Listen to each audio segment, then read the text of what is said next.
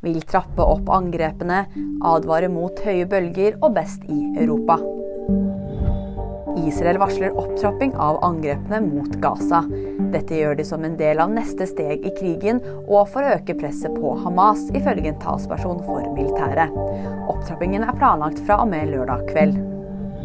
Bølger kan bli over åtte meter høye i Agder. Det melder Redningsselskapet.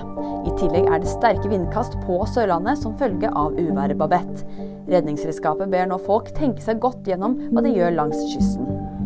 Jakob Ingebrigtsen fikk G-pris.